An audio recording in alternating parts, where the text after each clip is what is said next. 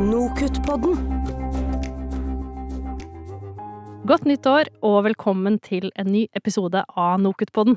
Mitt navn er Aslaug Louise Slette, og jeg har med meg kollega Inger-Lise Kalviknes Bore. Hallo! Hei sann. I denne episoden skal vi få høre om innovasjonspedagogikk i medie- og kommunikasjonsfag. Og hva er egentlig det, Inger-Lise? Jo, innovasjonspedagogikk er en tilnærming til aktiv læring som skal gi studentene innovasjonskompetanse. Og i dag skal det handle om studenter som blir kasta ut i det ukjente og skal utvikle innovative teknologiske løsninger for eksterne samarbeidspartnere. For å høre mer om dette har vi fått med oss to gjester fra TechLab, som er et nettverk for innovasjon i medieutdanning. TechLab har tilhørighet i Mediesitter i Bergen, men er et samarbeid mellom UiB, Høgskolen i Volda, UiS, Florida State University og flere andre aktører. Ja, og dagens gjester det er Lars Nyre, som er professor i mediedesign på Institutt for informasjons- og medievitenskap ved Universitetet i Bergen. Velkommen til deg! Takk for det. Og vi har med oss Rebekka Nedregotten Strand, som er stipendiat i avdeling for mediefag på Høgskolen i Volda. Velkommen til deg òg! Tusen hjertelig takk. Da setter vi rett i gang, og vi starter med et spørsmål til deg, Lars. Kan du si litt om innovasjonspedagogikk, og hva du legger i det begrepet? Ja, det kan bli vanskelig å si litt, men uh, i hvert fall uh, Vi har et slags slagord. Uh, studentene blir deltakere og ikke tilskuere. For å snakke med filosofen Hans Skjervheim og mange andre som tenker om hva som er bra for menneskene. Så studentene blir da på en måte posisjonert som å være ansvarlige og selvstendige og handlekraftige. Og så blir de det, veldig ofte. Og de går fremst framover i framtida. Vi dytter dem framfor oss. Og så kommer faglærerne bak og støtter dem og hjelper til.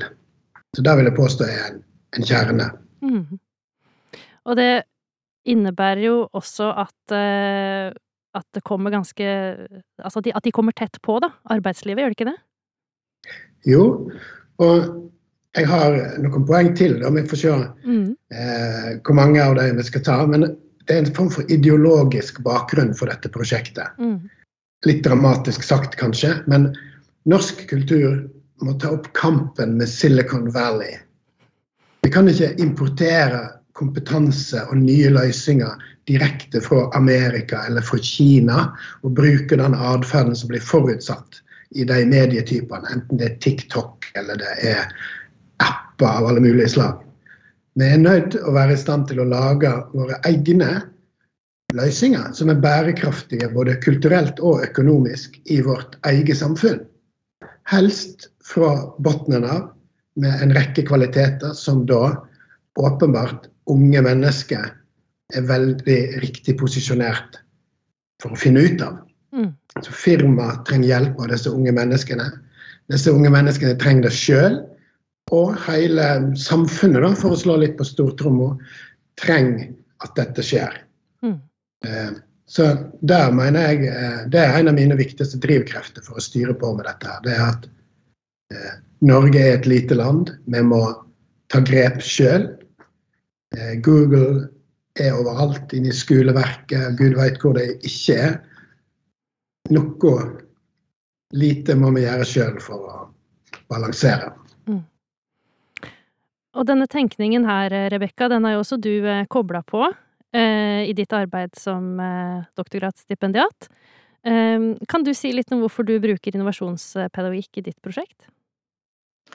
Ja, jeg føler meg veldig heldig da, som får lov å være en del av dette TechLab-nettverket.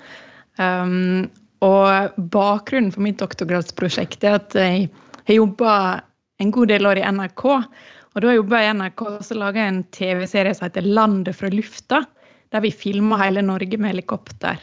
Og da trengte vi lyd, for helikopterlyd er noe helt forferdelig å høre på. Så da brukte vi NRK sitt radioarkiv en god del og i det møtepunktet mellom fortid og nåtid så skjedde det noe veldig spennende. Når det du flyger over områder der det gikk kjempestore ras tidlig på 1900-tallet, og så ser helt sånn vakre ut i dag. Og så hører du øyevitner fra den gangen fortelle om hvordan det var da det raset gikk. Og det var bakgrunnen for den ideen jeg hadde til mitt doktorgradsprosjekt. Og det jeg prøver på, det er å ta lyd fra NRK sitt radioarkiv, og så bruke den ute i landskapet på Dovrefjell. For å fortelle historien om Dovrefjell sitt skjulte landskap. Sånn at hvis du går over Dovrefjell, så får du tilgang til NRK sitt radioarkiv via mobiltelefonen din. Mm. Men skal jeg få til det, så trenger jeg å ta dette arkivet inn i vår moderne tid. Og det har ikke så veldig god kompetanse på å få til sjøl, men heldigvis så har jeg da med meg fem masterstudenter som er med å utvikle en prototype for formidling på denne måten, som vi kaller for fortidsfinner. Og det vi gjør da, det er at vi utvikler eh, et visuelt og et lydbasert eh, formidlingstilbud som vi da setter inn i en digital plattform som heter Hidden. Og de Studentene de er altså så vesentlige for å få til dette her. De eh, jobber med webdesign, de lager brukergrensesnittet. Ehm, de eh, lager ei AR, altså augmented reality-oppleving, til ett punkt på denne hva jeg skal si, turen over Dovrefjell i NRK sitt radioarkiv. Og de lager sånne lydkulisser. Så alt de bidrar med, det er med på å skape dette som forhåpentligvis blir en ny måte å bruke mediearkiv på, og som kanskje kan revitalisere det og føre til at folk blir inspirerte til å ta vare på sårbar natur og kultur. Så du kan si at studentene er de er på en måte utviklerne. De, de, er kjernen i at dette her skal kunne fungere. Så det er et stort privilegium å få lov å jobbe med studenter på den måten. Jeg tror de syns det er kjekt sjøl også. Så det du sier er at den tenkningen rundt uh, hvordan eh, studentene jobber da, og bidrar i ditt uh, prosjekt, det er rett og slett det er helt avgjørende for at, for at du skal ja, få jobbet med ditt ph.d.-arbeid. Absolutt. Mm. Og eh, det får jeg til takket være penger som jeg har fått fra Medietilsynet da, til dette prosjektet. Mm. Veldig spennende. Lars, kan du si litt om hva studentene deres gjør, sånn helt konkret? Ja, vi kan godt fortsette langs de linjene som Rebekka har dratt opp her. For det er ikke bare fem masterstudenter, det er også flere kull med bachelorstudenter som bidrar i det prosjektet. Og jeg takker meg generelt, så er det sånn da at Eh, studenter blir eh, utfordra til å finne forsøksvis nyttige løsninger for ny teknologi som i utgangspunktet ingen har noe særlig god greie på. De lager ikke den teknologien helt fra bunnen av, sånn som at de sitter og programmerer eller skrur og lodder.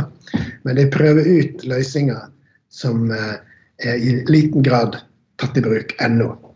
La oss si eh, visse typer mobile apper, men eh, også kunstig intelligens-baserte løsninger. Virtual reality og augmented reality. Roboter og droner. Se gjerne for dere alle de mest crazy teknologiene, for det er de vi er mest interessert i. Hva potensial kan de ha? Hvordan kan en se for seg løsninger? Så dikter de i en viss forstand opp, eller blir utfordra til å dikte opp eller uh, finne på ting som kanskje kan bli nyttig i framtida, selv om det er luftig i nåtida. Uh, dette gjør det i stor grad for ekte partnere. Så det er litt viktig her. er Vi kunne gjerne sagt at det var en eksamensoppgave, det er det uansett. Men det er også for et firma, eventuelt for en institusjon. Det trenger ikke være kommersielle firma, det kan være statlige instanser av ulike slag, og også helt åpent f.eks. For, for journalistikk som er egnet for visse typer lesere. Eh, og så når de da er ferdige med prosjektperioden, så må de vise dette fram. Koronaen har skapt litt trøbbel for oss, men vi har alltid pleid å ha demo. Eh, offentlige eh, arrangement med pizza kanskje, og med viktige gjester. Og hvis vi klarer å dra inn en rektor eller en instituttleder, så er det bra. Og så er alle passelig nervøse. Og så skal de også få publisert det her etterpå på den nettsida vår, TechLab. Alt dette er med på å lage et press på deg som er ganske reelt. får du til ny teknologi? Blir det interessant for firmaet? Hvordan vil det bli opplevd? Blir jeg nervøs og stotrer eh, på framsyningen? Så disse eksamensoppgavene forsvinner ikke i arkivet for alltid. Ingen vet hvor det blir av en eksamen etter at du har levert den inn i Inspera. Dette er en helt annen type eksamen som kan påvirke din egen karriere, som i beste fall også kan være verdifull for museum, for institusjoner, firma. Ser vi vekst nå, så har vi stadig flere typer av samarbeidspartnere. Eh, og det er interessant og eh, gir oss enda flere muligheter for at studenter kan være da, nyttige eller verdifulle. Ja, for En tenker vel ofte på det å jobbe innovativt, eller å være innovativ. Det er noen bare er, noen har naturlig anlegg for det. Men dere tenker altså at studentene kan lære å jobbe innovativt gjennom eh, sånn dere har lagt opp løpet? Ja, hvis jeg skal svare på det, så er det soleklart at eh, det må læres. Det, selvsagt er det noen som er veldig sånn, idérike og sånt av seg sjøl, for all del. Eh, men dette blir som å lære seg malerkunst. En kunne kjørt den gamle parallellen med om du kan tegne i hånd. Eh, altså du må eh, lære deg å være innovativ. La oss si du må lære deg hva som er det faktisk er nytt. Hva er det som er emerging eller framveksende? Eh, hva slags potensial har det egentlig i en gitt sammenheng? Da må du lese deg opp. Eh, du må ikke finne opp krutet på nytt. Et eksempel er at studenter ble utfordret til å lage journalistikk for virtual reality. Det var strengt tatt den eneste begrensningen. Og Da drev de på. Ei en gruppe fikk en veldig god idé om å formidle hvordan det er å være schizofren. Eh, da kom det harde arbeid. De intervjua leger. De klarte å få intervju med pasienter som kunne fortelle om sin egen livserfaring, og også pårørende. Og de jobber med lydproduksjon og med eh, visualiseringer, animasjoner. Og så endte de opp med å lage en ytterst innovativ eller, eh, nyskapende opplevelse av hvordan det er å være schizofreni, der, eh, schizofren. Der vi bl.a. hadde en opplevelse av en mor til en som var schizofren. Og så diskuterte vi om hun skulle oppleve dette eller ikke. Så ble vi enige om at kanskje hun skulle la være. Så fikk vi også interesse fra Haukeland sykehus sitt psykiatriske apparat, som vurderte om dette var noe de kunne bruke i pasientbehandling. Det var kanskje for intenst, faktisk, så det ble ikke tatt i bruk. Det ville også krevd en del videreutvikling. Men de begynte jo på det kurset uten å ha, uh, være spesielt innovative eller liksom noe sånne ekstremt eh, kreative. De begynte på kurset og håndterte det veldig godt og viste seg å kunne utløse sin egen kreativitet, og selvsagt også med støtte og oppmuntring fra oss rundt dem.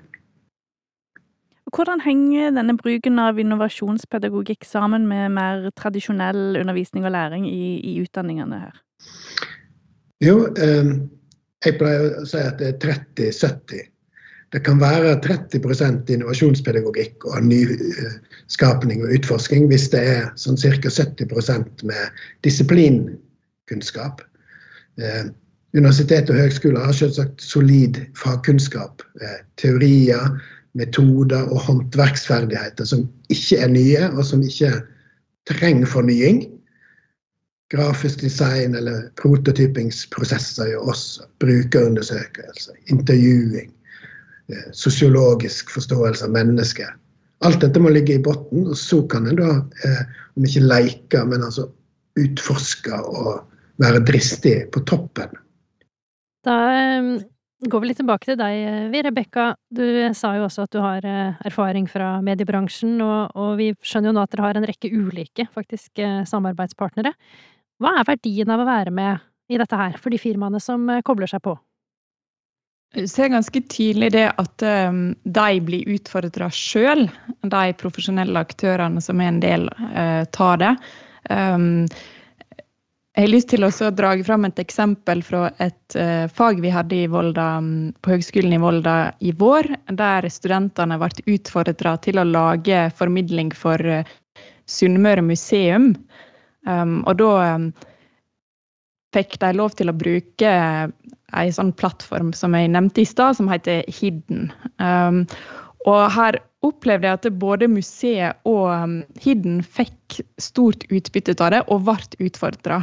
Jeg har jobba på museum sjøl, og jeg ser det at eh, de har kjempeutfordringer når det gjelder både det med å skulle formidle de gjenstandene og ofte bygningene som er en del av museene, og så har de kanskje ganske lav teknisk eh, kompetanse og mangel på arbeidskraft som gjør det kjempevanskelig å få til i praksis. Men her kom det altså studenter fra journalistikk og mediedesign og animasjon inn og så på museet med nye øyne. Og laga helt konkrete formidlingstilbud for deres publikum. Mm. Og det åpner nå da øynene til, til museer for hva som er mulig å få til. Og kanskje det gjør dem mer modige, forhåpentligvis. Og når det gjelder mm, de som da leverer teknologien, altså Hidden, så hadde vi et tilfelle der, der studentene på en måte lå fram for teknologien som var tilgjengelig. Sånn at eh, de, de laga en nydelig fortelling om ei, ei lita jente som, som, levde i dette museumsområdet, som faktisk var søstera til en kjent forsker som heter Hans Strøm. Um, sånn at uh, unger som besøkte museet, kunne møte denne jenta i, i sånn augmented reality-form, og så viste hun dem rundt til alle skattene som fantes i dette området.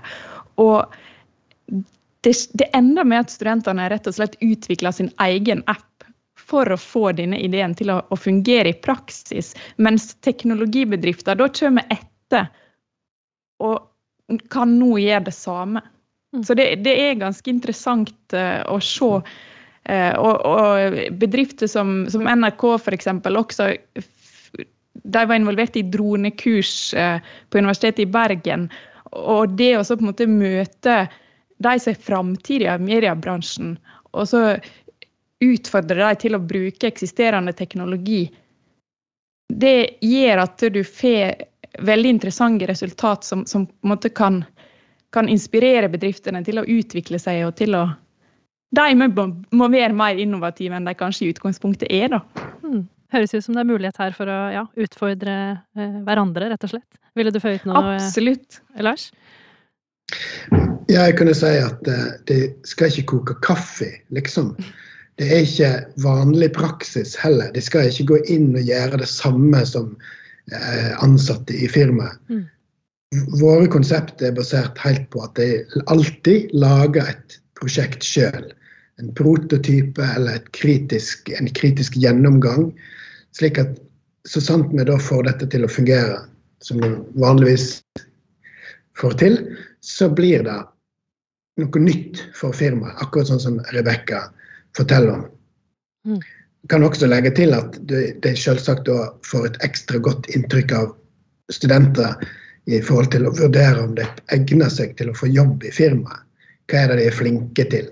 Problemløsning og sånt. Ser en de på en måte ikke bare skal gå et skritt bak en ekspert i firmaet, men utfordre firmaet, så ser en egenskaper ved de studentene eh, der eh, når, når, firmaet ser noe de liker, så rekrutterer de dem.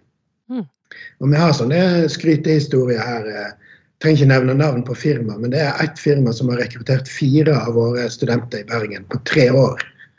De har rett og slett lagd en slags kanal rett inn i firmaet sitt, basert på eh, at de har skjønt at hvis de klarer å velge de rette studentene da, for sitt firma, så får de folk som er veldig som, selvstendige, ansvarlige, tåler en støyt,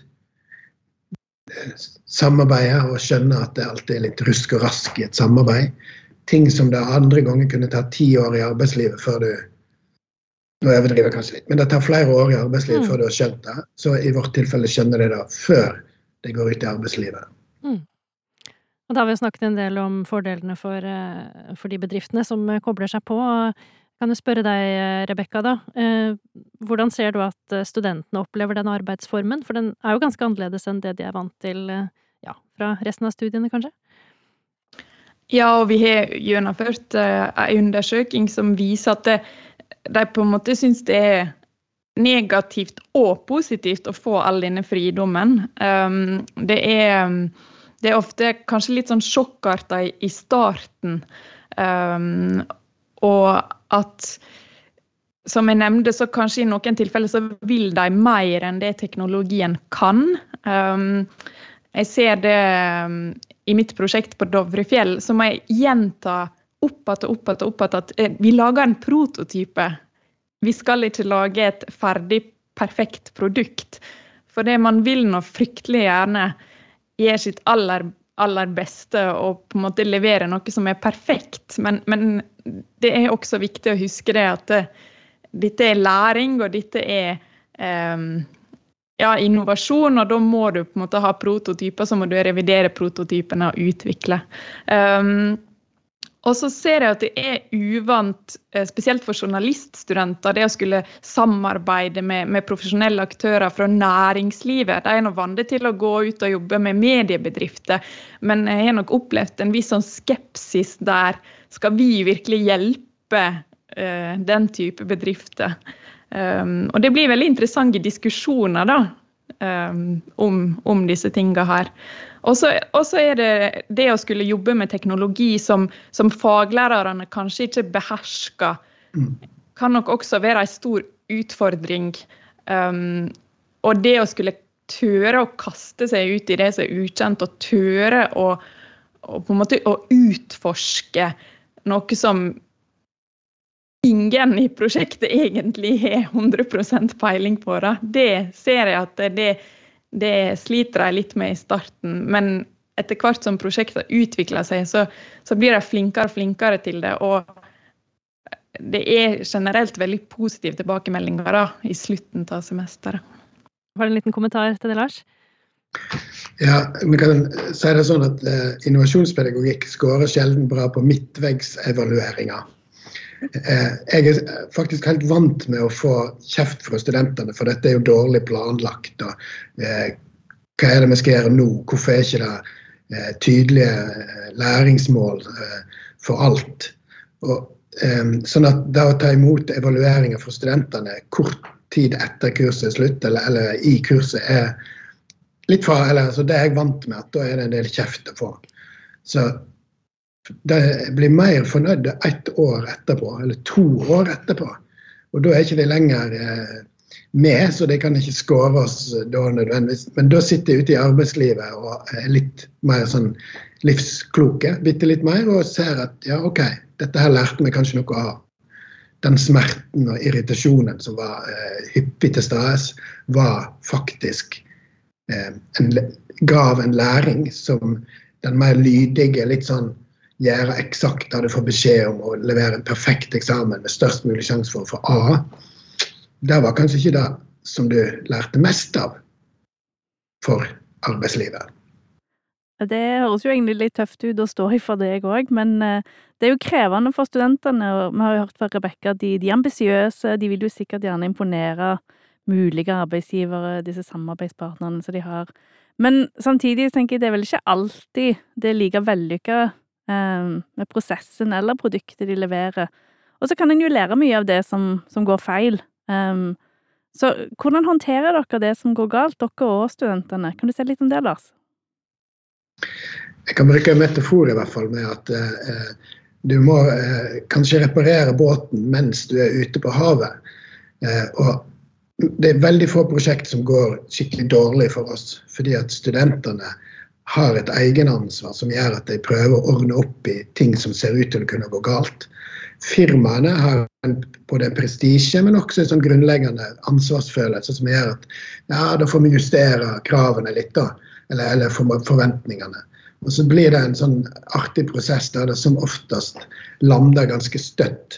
Og kanskje forskjellen er at det var ikke nødvendigvis så rivende nytt og utrolig innovativt som en kanskje trodde i begynnelsen, eller det var ikke så omfattende. De fikk ikke intervjue 40 stykker, sånn som de hadde trodd.